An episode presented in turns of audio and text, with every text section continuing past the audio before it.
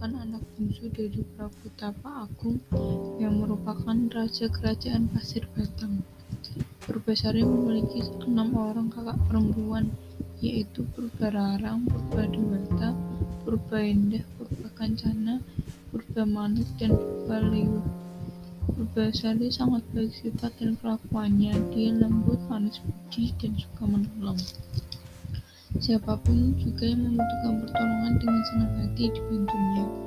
Selain hatinya yang elok, Purbasari juga memiliki paras yang cantik dan perawan. Setiap orang yang melihatnya pasti jatuh hati pada pandangan pertama.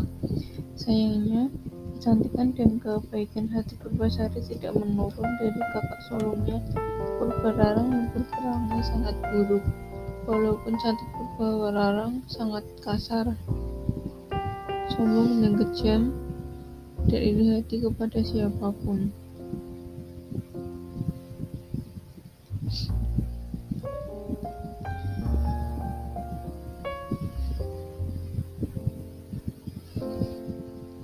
Setelah bertahta dalam waktu yang cukup lama, Prabu Tapa Agung berniat turun tahta.